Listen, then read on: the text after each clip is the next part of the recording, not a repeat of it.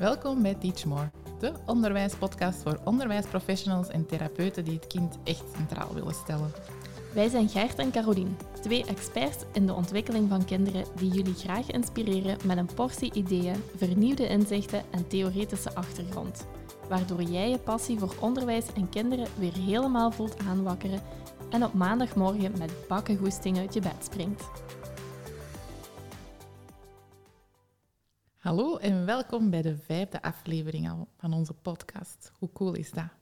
We zijn ondertussen de 17e juli als jullie deze podcast luisteren.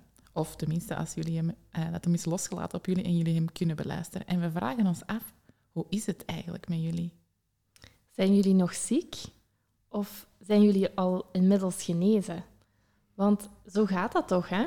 De laatste weken zijn super druk en je wilt nog van alles klaar hebben en je pusht jezelf om nog heel even door te zetten, om nog eventjes door te bijten.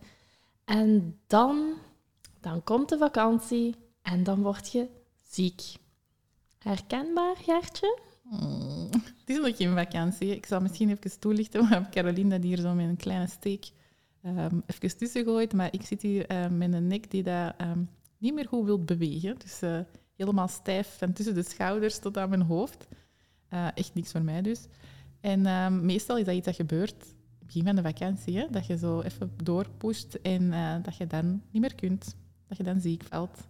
Ja, ik zie het hier ook heel regelmatig gebeuren. Bij mij is het dan niet mijn nek, maar ik word gewoon ook echt, echt ziek. Dus um, ik denk dat het... Uh, het is ook een verhaal wat wat ik heel regelmatig bij leerkrachten hoor. Ze hebben dan net vakantie. En in de vakantie zijn ze een heel vakantie ziek. Nu gelukkig, twee maanden hebben we die gaan we niet helemaal ziek zijn. Maar uh, het, het, maakt wel wat, hè? Ja, ja, we gaan gewoon over onze grenzen. Hè. En dat is misschien wel een beetje um, de situatie waar ik nu in zit. Um, de meesten onder jullie weten dat misschien wel, dat ik ook nog een uh, eigen praktijk heb die dat ook heel goed draait. En um, ik was ook verdeler, of ik ben tenminste nog een paar dagen verdeler van producten van Oshadi. En dat zijn twee dingen waar dat ook heel veel tijd in kruipt. En ik ben een aantal dingen aan het afsluiten en aan het afronden. En uh, aan te werken naar veel meer tijd kunnen investeren in Teach More. En e-, effectief in de praktijk ook. Maar we zitten nu nog een beetje in een tussenfase, waardoor dat er soms inderdaad even op de tanden gebeten moet worden en toch nog, dan nog even afgemaakt moet worden en dan moet nog even in orde zijn. En ik had niet door dat ik te veel aan toe was. Ik vond dat het eigenlijk best goed ging, totdat ik gisterenmorgen wou uh, rechtkomen uit mijn bed en uh, ja, dat er niks gebeurde. Hoe bedoelt je? Ja, ik ben echt zo een, als ik wakker ben, ik spring echt uit mijn bed. Hè. Met de meeste mensen gebeurt dat een beetje rustig en die rollen zo wat opzij. Maar ja, ik dacht er even uit te springen en dat was echt geen optie. ik ben echt gewoon letterlijk zo opzij gerold en zo. Kunt je mij even recht trekken? Dat ging eigenlijk ook niet. Dus heb ik toch maar even um, een spierontspanner genomen en mij onder een infrarood gelegd. Dat hebben, wij, dat hebben wij gelukkig wel. En dat is iets wat altijd heel goed werkt voor, bij mij. Dus wel langer blijven liggen onder die uh, infraroodhemel en de warmte zijn werk laten doen en het toch een beetje rustig aandoen. En uh, ja, alles van die dag toch wel uh, even laten liggen en het op mij af laten komen en luisteren wat mijn lichaam zei. Ja, dat is zo, ja, iets wat heel erg nodig is en waar we vaak aan, aan voorbij gaan. Hè? Dat ja. we onszelf vergeten. Hè? Ja, en je zegt het ook letterlijk. Hè? In je verhaal zeg je nog even op de tanden bijten. Dus we bijten ons er echt in vast. Ja, ja, ja. en ons lichaam laat het dan heel duidelijk merken. Dat zit dan ook vast. Want zo kwam hier vast. vanmorgen aan. Hè? Ja, het is al een beetje beter. Het is, ik kan zo in schokjes, zowel met mijn hoofd gaan en zo. Maar ik ben niet de flexibele die ik normaal ben. Dan toch niet lichamelijk.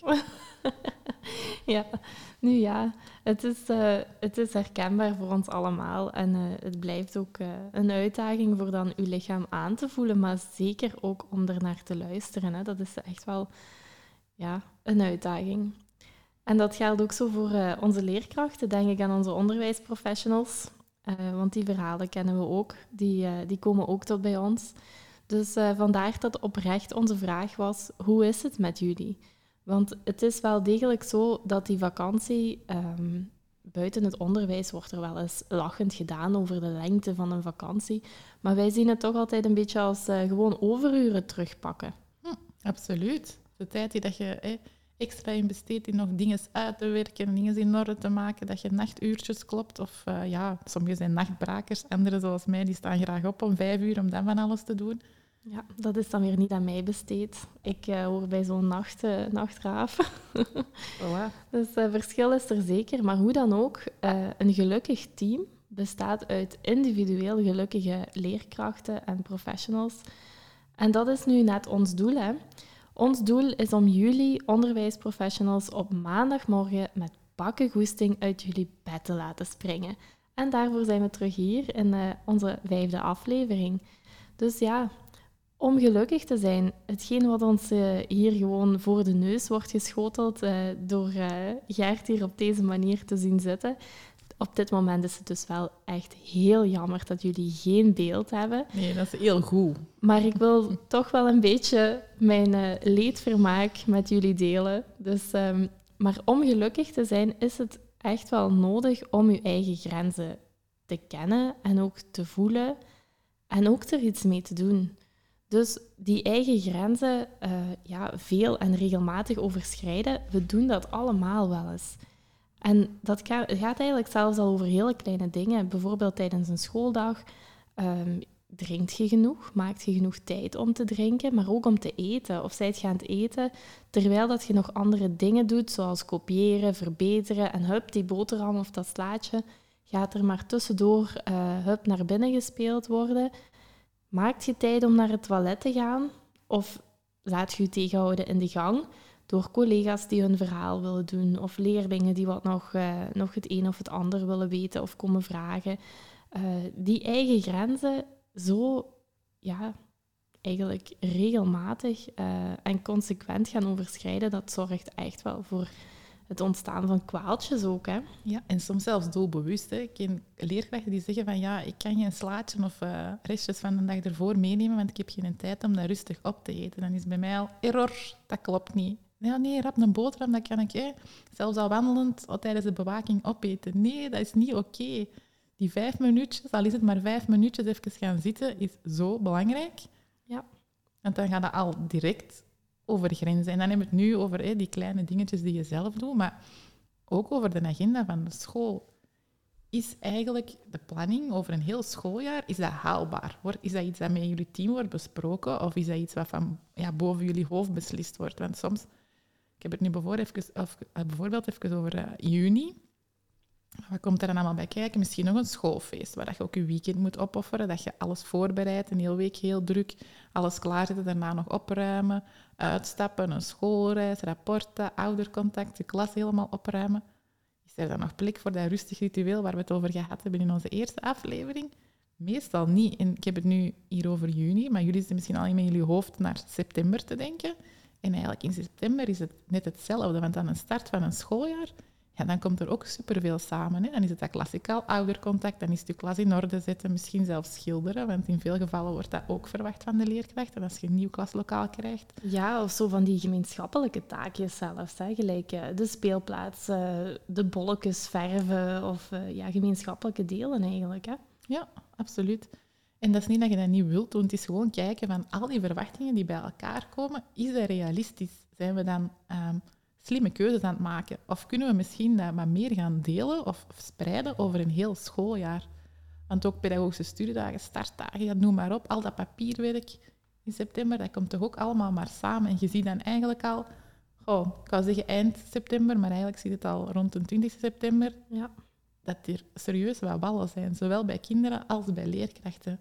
Ja, eigenlijk zo een rustige doorstart maken, dat zit er eigenlijk niet in. Hè. Als ik naar de eigen agenda van Teach More kijk of van Schrijfdans, de pedagogische studiedagen, ja, de woensdagen van september, dan kan ik eigenlijk het dubbel aantal van docenten uh, inschakelen, want iedereen wil die woensdagen al gevuld hebben. Terwijl ik denk dat als we een rustige start zouden maken, dat we net uh, meer ruimte in het hoofd zouden krijgen om dan die pedagogische studiedagen voor die kennis ook effectief op te slaan en niet verloren te laten gaan. Ja, en als ik dan meer naar mij kijk, in de praktijk komen bij mij de kinderen dan altijd terecht. En ehm, dan zie je dat zo de overgang van een bepaalde periode, in deze geval dan de vakantie, naar een schooljaar, dat dat enorm veel energie kost om al die veranderingen, om dat een plek te geven. Het, gaat al, het is een heel nieuwe structuur en ritme terug, dus dat is terug even dat aanpassen. Er komen vaak nieuwe hobby's bij, een nieuwe klasgroep waar je moet wenden, nieuwe leerkrachten, een nieuwe manier van info verwerken, als je naar het middelbaar gaat bijvoorbeeld.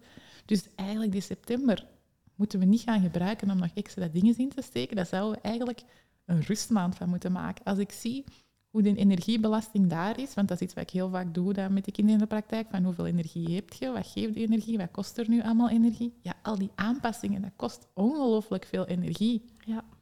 Ja, en dan heb je nog kinderen die gewoon van, van het tweede naar het derde overschakelen binnen dezelfde school. Maar zeker van die, van die belangrijke overgangen, gelijk laatste kleuterklas naar eerste leerjaar of zesde leerjaar naar het eerste middelbaar, ja, daar zitten heel veel uh, veranderingen. En dan gaat het al maar over uh, dat er uh, omgekleed moet worden bij het turnen, dat ze gaan zwemmen. die veranderingen, dat kost allemaal heel veel energie voor dat te implementeren. Dus ja, dat geldt voor de kinderen, dat geldt ook voor de leerkrachten. Als je een nieuwe klas hebt, een nieuw leerjaar waar dat je les aan mocht geven, hoe zit het dan juist met uw draagkracht? En laat uw school het dan toe om aan te geven dat het u te veel is. Dan kom ik eigenlijk terug bij onze podcast van vorige aflevering, bij, bij podcast nummer 4. Ehm, is de basisveiligheid er op uw school om aan te geven dat die draagkracht voor u minder of anders is. Of dat je het graag op een andere manier aanpakt. Ja, dat je dingen misschien kunt delen en dat je kunt kijken hoe kunnen we bijvoorbeeld ervoor zorgen dat in september voor iedereen een maand is waar je echt je plek kunt vinden. dat je niet bedoven wordt onder het papierwerk of dat je bijvoorbeeld een collega hebt die bij, bij bepaalde dingen mee ondersteunt, zodat je dat als team kunt gaan dragen. Want je zit wel in een bepaald systeem waarin dat jij als leerkracht hoort te functioneren. Maar we mogen zeker niet vergeten dat je wel als leerkracht of als onderwijsprofessional, dat je wel um, zelf verantwoordelijk bent voor het dragen van die zelfzorg. En ook voor de manier waarop dat je dus gaat kiezen um, hoe, dat, hoe dat je met dingen omgaat. Dus uh, hoe dat je eigenlijk, uh, of je aan die verwachtingen die het systeem aan u voldoet, wat dat, dat voor u betekent. Of jij aan die verwachtingen kunt voldoen op een bepaalde manier en dat je die ook duidelijk mocht maken aan het systeem waar dat je eigenlijk in moet functioneren. Want die eindverantwoordelijkheid voor zorg te dragen voor jezelf, die ligt natuurlijk wel bij jezelf. En dan is het heel goed om te kunnen aangeven uh, waar dat jij die draagkracht hebt of haalt of hoe dat jij dat eigenlijk ziet. Maar daar is natuurlijk die basisveiligheid voor nodig. Dus dat is veel gemakkelijker om eigenlijk dat aan te geven, die zelfzorg, als je in een toegankelijk systeem zit. Ja, en dat je ook eerlijk durft zijn naar jezelf en jezelf een beetje kwetsbaar opstelt. Hè. Ik zal dat beginnen met, met mezelf misschien. Hè. Dat ik wou net zeggen, hebben we hier een mooi voorbeeld naast ons Ik ben het perfecte voorbeeld vandaag, dus laten we daar ook even eerlijk over zijn. En dat is ook hetgeen wat ik bijvoorbeeld gisteren gedaan heb. Hè. Je kunt niet bewegen dan is het ook belangrijk dat je zelf gaat zorg dragen voor hetgeen wat er zich aandient. Hè. Ik kan dat ook gewoon gaan negeren. Alleen maar wat extra pijnstillers en gewoon verder doen hetgeen dat ik in mijn hoofd heb. Dus het is een stukje controle nemen over hetgeen dat je controle over kunt nemen, over jezelf en beslissingen en de dingen die je gaat doen. En langs de andere zijde ook een beetje de controle loslaten van moeten al die dingen zomaar gebeuren en ja, op welke manier. Je hoeft niet alles te controleren en niet alles hoeft zo te gaan als je nu je in je hoofd hebt. Hè. Ik, ik had nog een groot persoonlijk to-do-lijstje. Maar ik ben degene die dat oppakt. Ik ben mijn eigen baas. Dus dat lijstje dat is van mij. Dat zijn verwachtingen van mijzelf. En uh, ja, gisteren heeft mij wel even teruggebracht bij de kern. En uh, ja, waar ik aan moest denken was dat zinnetje van... Moet ik dit nu doen? Dat? Ja, ja, ja. Ik, uh, het is eentje wat ik heel regelmatig hier voor mezelf ook um, ja, de oefening doe, maar jij kunt ze heel mooi invullen nu. Hè? Ja, ik zal het ineens even toepassen op mijn eigen voorbeeld. Hè. Um, in dat zinnetje gaan we eigenlijk een klemtoon leggen telkens op een ander woord. Dus de eerste zin die je zelf kunt stellen is, moet ik dit nu doen? Is het een moetje of is het iets dat ook eigenlijk wel kan en dat niet per se moet? Ja, voor mezelf, uh, ik wou eigenlijk nog ehm, eten voorbereiden voor in de week. In de week gaat altijd uh, weinig tijd, omdat er dan van alles moet gebeuren. En in het weekend probeer ik dan altijd wat dingen al voor te bereiden, van te koken, in diepvries te stoppen. Nu ja, dat is geen moedje, hè. dus dat heb ik ook niet gedaan. Dat heb ik ook gewoon laten varen. Kunnen evengoed iets gaan afhalen of iets makkelijk te doen. Het hoefde niet. Ja. Dat is zo weer zo'n een eigen verwachting van mezelf. Ja, eh, dat is eigenlijk echt een stukje wat je zelf op je to-do-lijstje hebt gezet. Hè? Ja, voilà. En, en een tweede voorbeeldje is dan van, moet ik dit nu doen? En dat is voor mij ook een uh, grote uitdaging, want heel veel van die taken, wat ik dingen in mijn hoofd heb, wil ik dat allemaal zelf organiseren, maar het kan ook door iemand anders gedaan worden. Bijvoorbeeld wat opruimen thuis, heb ik wel wat uitbesteed en gezegd van, ja, dat lukt mij nu niet. En ook wel wat dingen door de vingers gezien, maar ook gewoon gezien van, ja, kun jij deze even doen? Want dat gaat nu niet. Je hoeft niet alles zelf op te nemen. En dat is misschien ook ineens weer de link naar die collega of iemand anders die bepaalde dingen voor u kan gaan overnemen of gewoon kan gaan delen. Het moet niet per se overnemen zijn. Ja, en ook bij die, bij die ik is het ook voornaam van, ja, is het nodig dat ik het doe? En ook volgens welke normen natuurlijk. Hè? Want misschien denk je dat het, dat het allemaal zelf beter gedaan is. Maar dat moeten we dan ook een stukje gaan laten varen. Hè? Ja, loslaten. Ja. ja. Um, en dan komt het dit. Ja, moet ik dit nu doen? Is dit, deze taak, de meest efficiënte keuze? Wat kost het minste energie? Even doorbijten en door die taak heen worstelen of gewoon even afstand nemen en voor jezelf zorgen en die taak later doen. Ja, er waren nog heel wat dingen die ik morgen had kunnen doen, alleen gisteren had kunnen doen.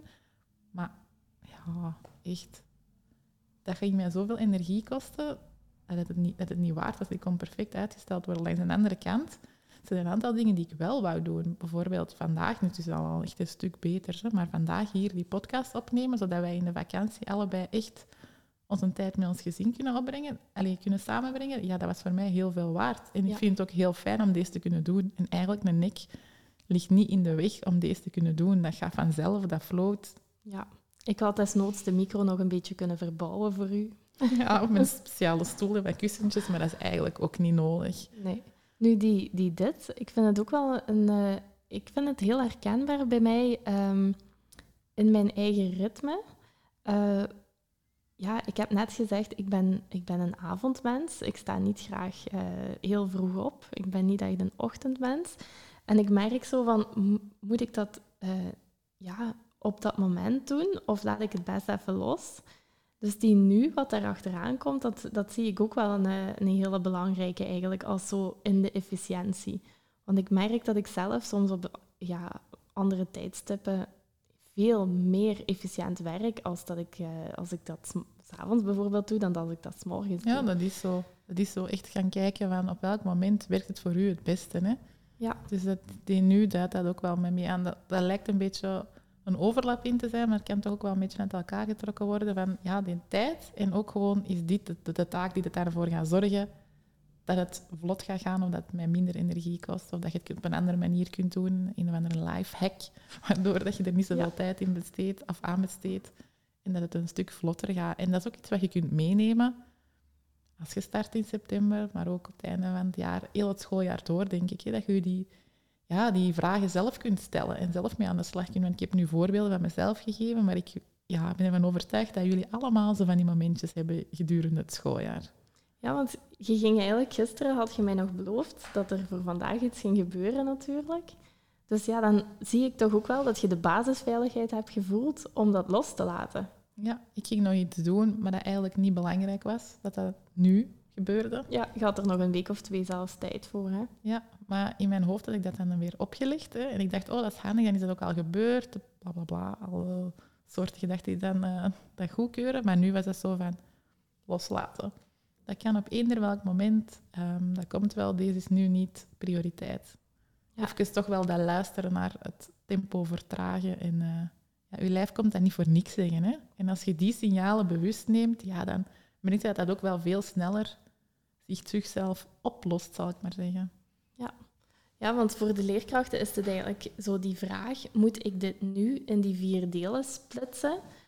Eigenlijk kom je dan ook um, een stukje tot een, een goede vraag voor jezelf. Van, um, is het eigenlijk op dit moment, uh, kan ik het controleren of is het controleerbaar? Ehm, of ja, heb ik het zelf onder controle? Dat is eigenlijk een betere zin. Hè?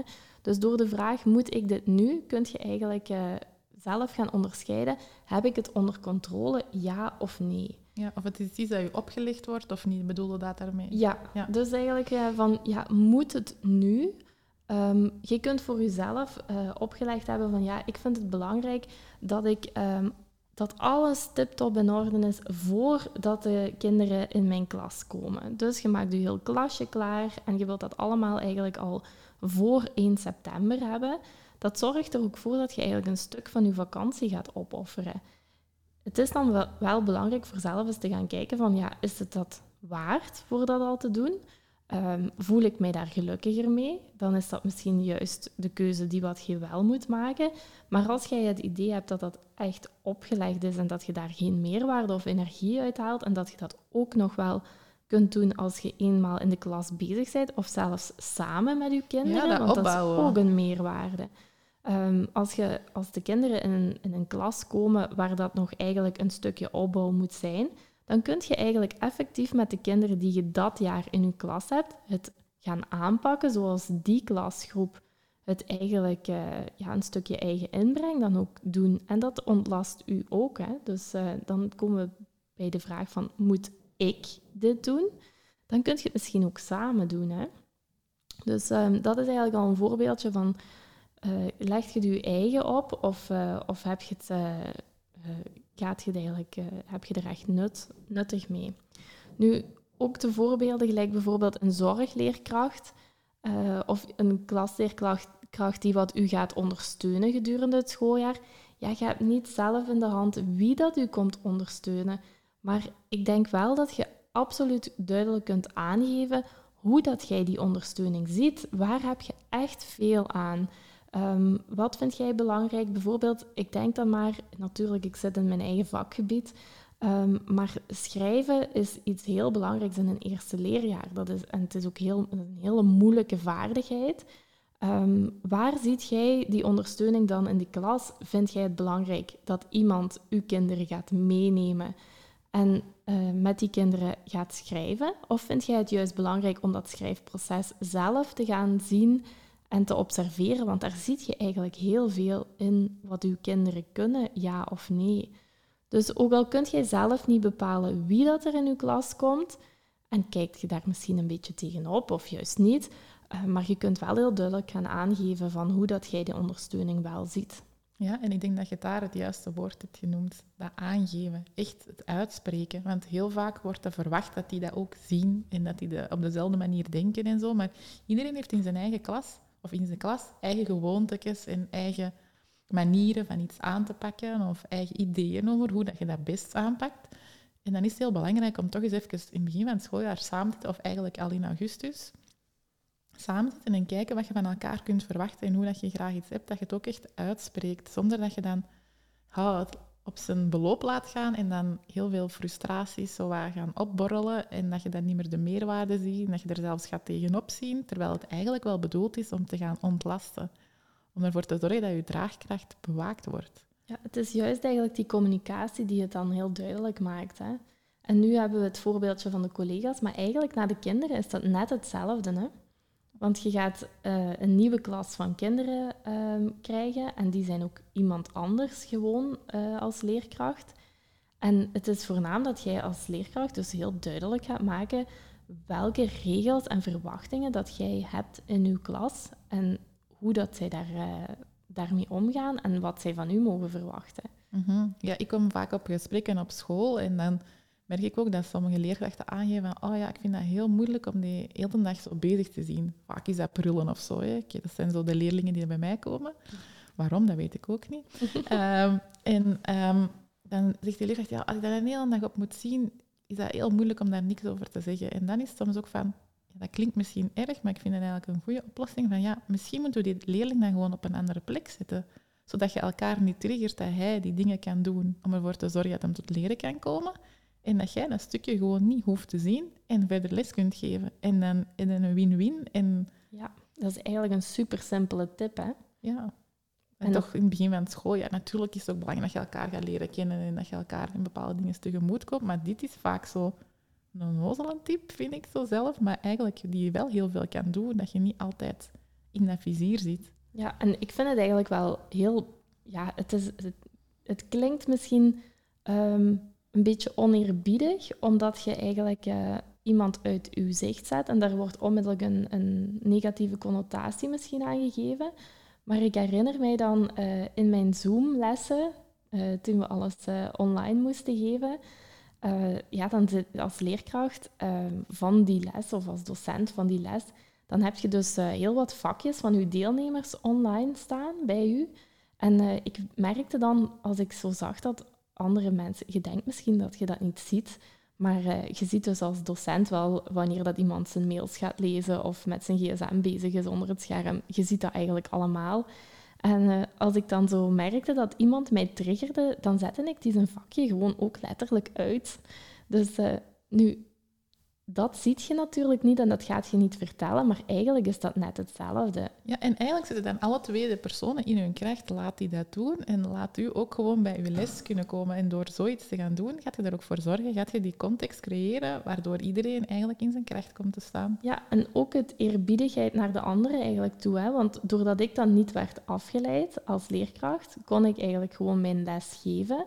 En kon ik dus de andere deelnemers wel ook gewoon geven waarvoor dat zij hun inschrijving hadden gedaan. Dus het is eigenlijk naar alle partijen gewoon een goede oplossing. Dus je mocht effectief wel echt naar je eigen kijken om, dat, ja, om in je kracht te komen staan. En ja, onze volgende partij zijn dan de ouders. Dat is ook nog, uh, um, ja, we hebben het al over um, collega's gehad, we hebben het al over de leerlingen gehad. Maar die leerlingen die hebben ook allemaal uh, ouders bij. Soms wel meerdere.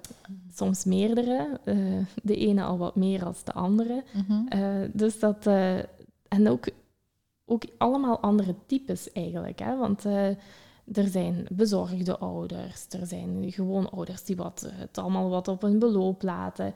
En ook daar weer is het heel fijn als je eigenlijk vanaf het begin gewoon al communiceert, heel duidelijk zijt, waar dat uw draagkracht ligt. Natuurlijk gaat je dat niet met dat woord uh, benoemen naar de ouders toe, maar wanneer dat je zegt welke verwachtingen dat zij mogen hebben van u, wat realistisch is, dan weten zij ook, oké, het, het mailtje is aangekomen en er komt nog geen reactie, maar dat was gecommuniceerd dat dat een paar dagen kon duren, bijvoorbeeld het is ook heel fijn als jij op voorhand aangeeft van kijk, dit is mijn manier van communiceren, dat werkt voor mij.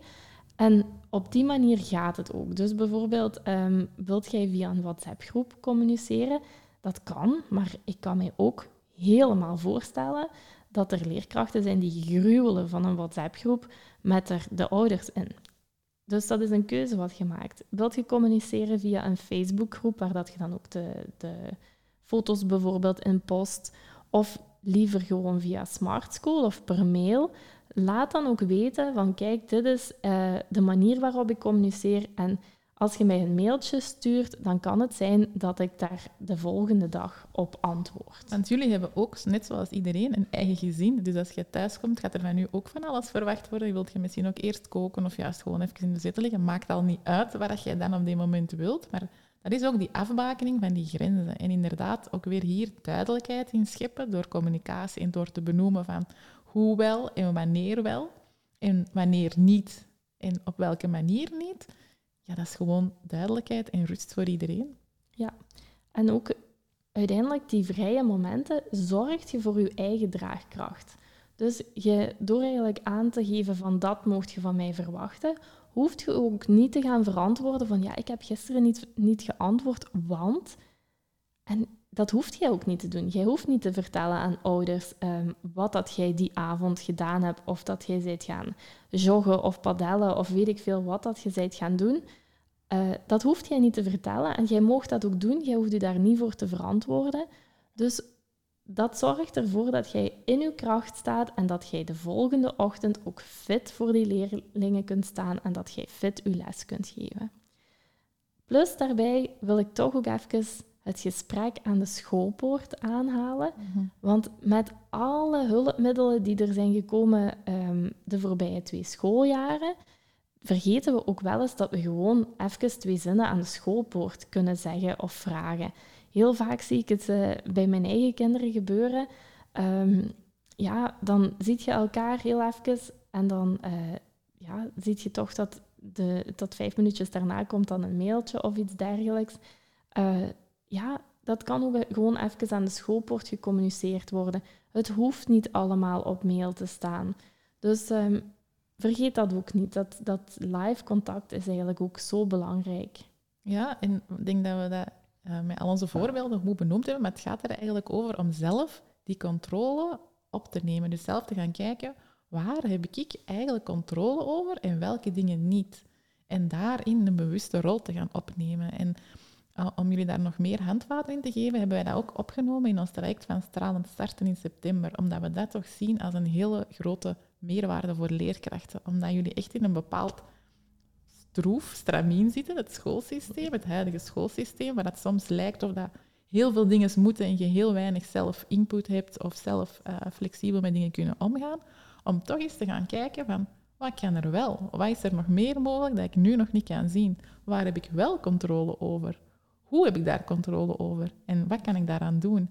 En ik denk dat dat echt een hele mooie meerwaarde kan zijn, waar we graag met jullie gaan induiken in ons uh, traject.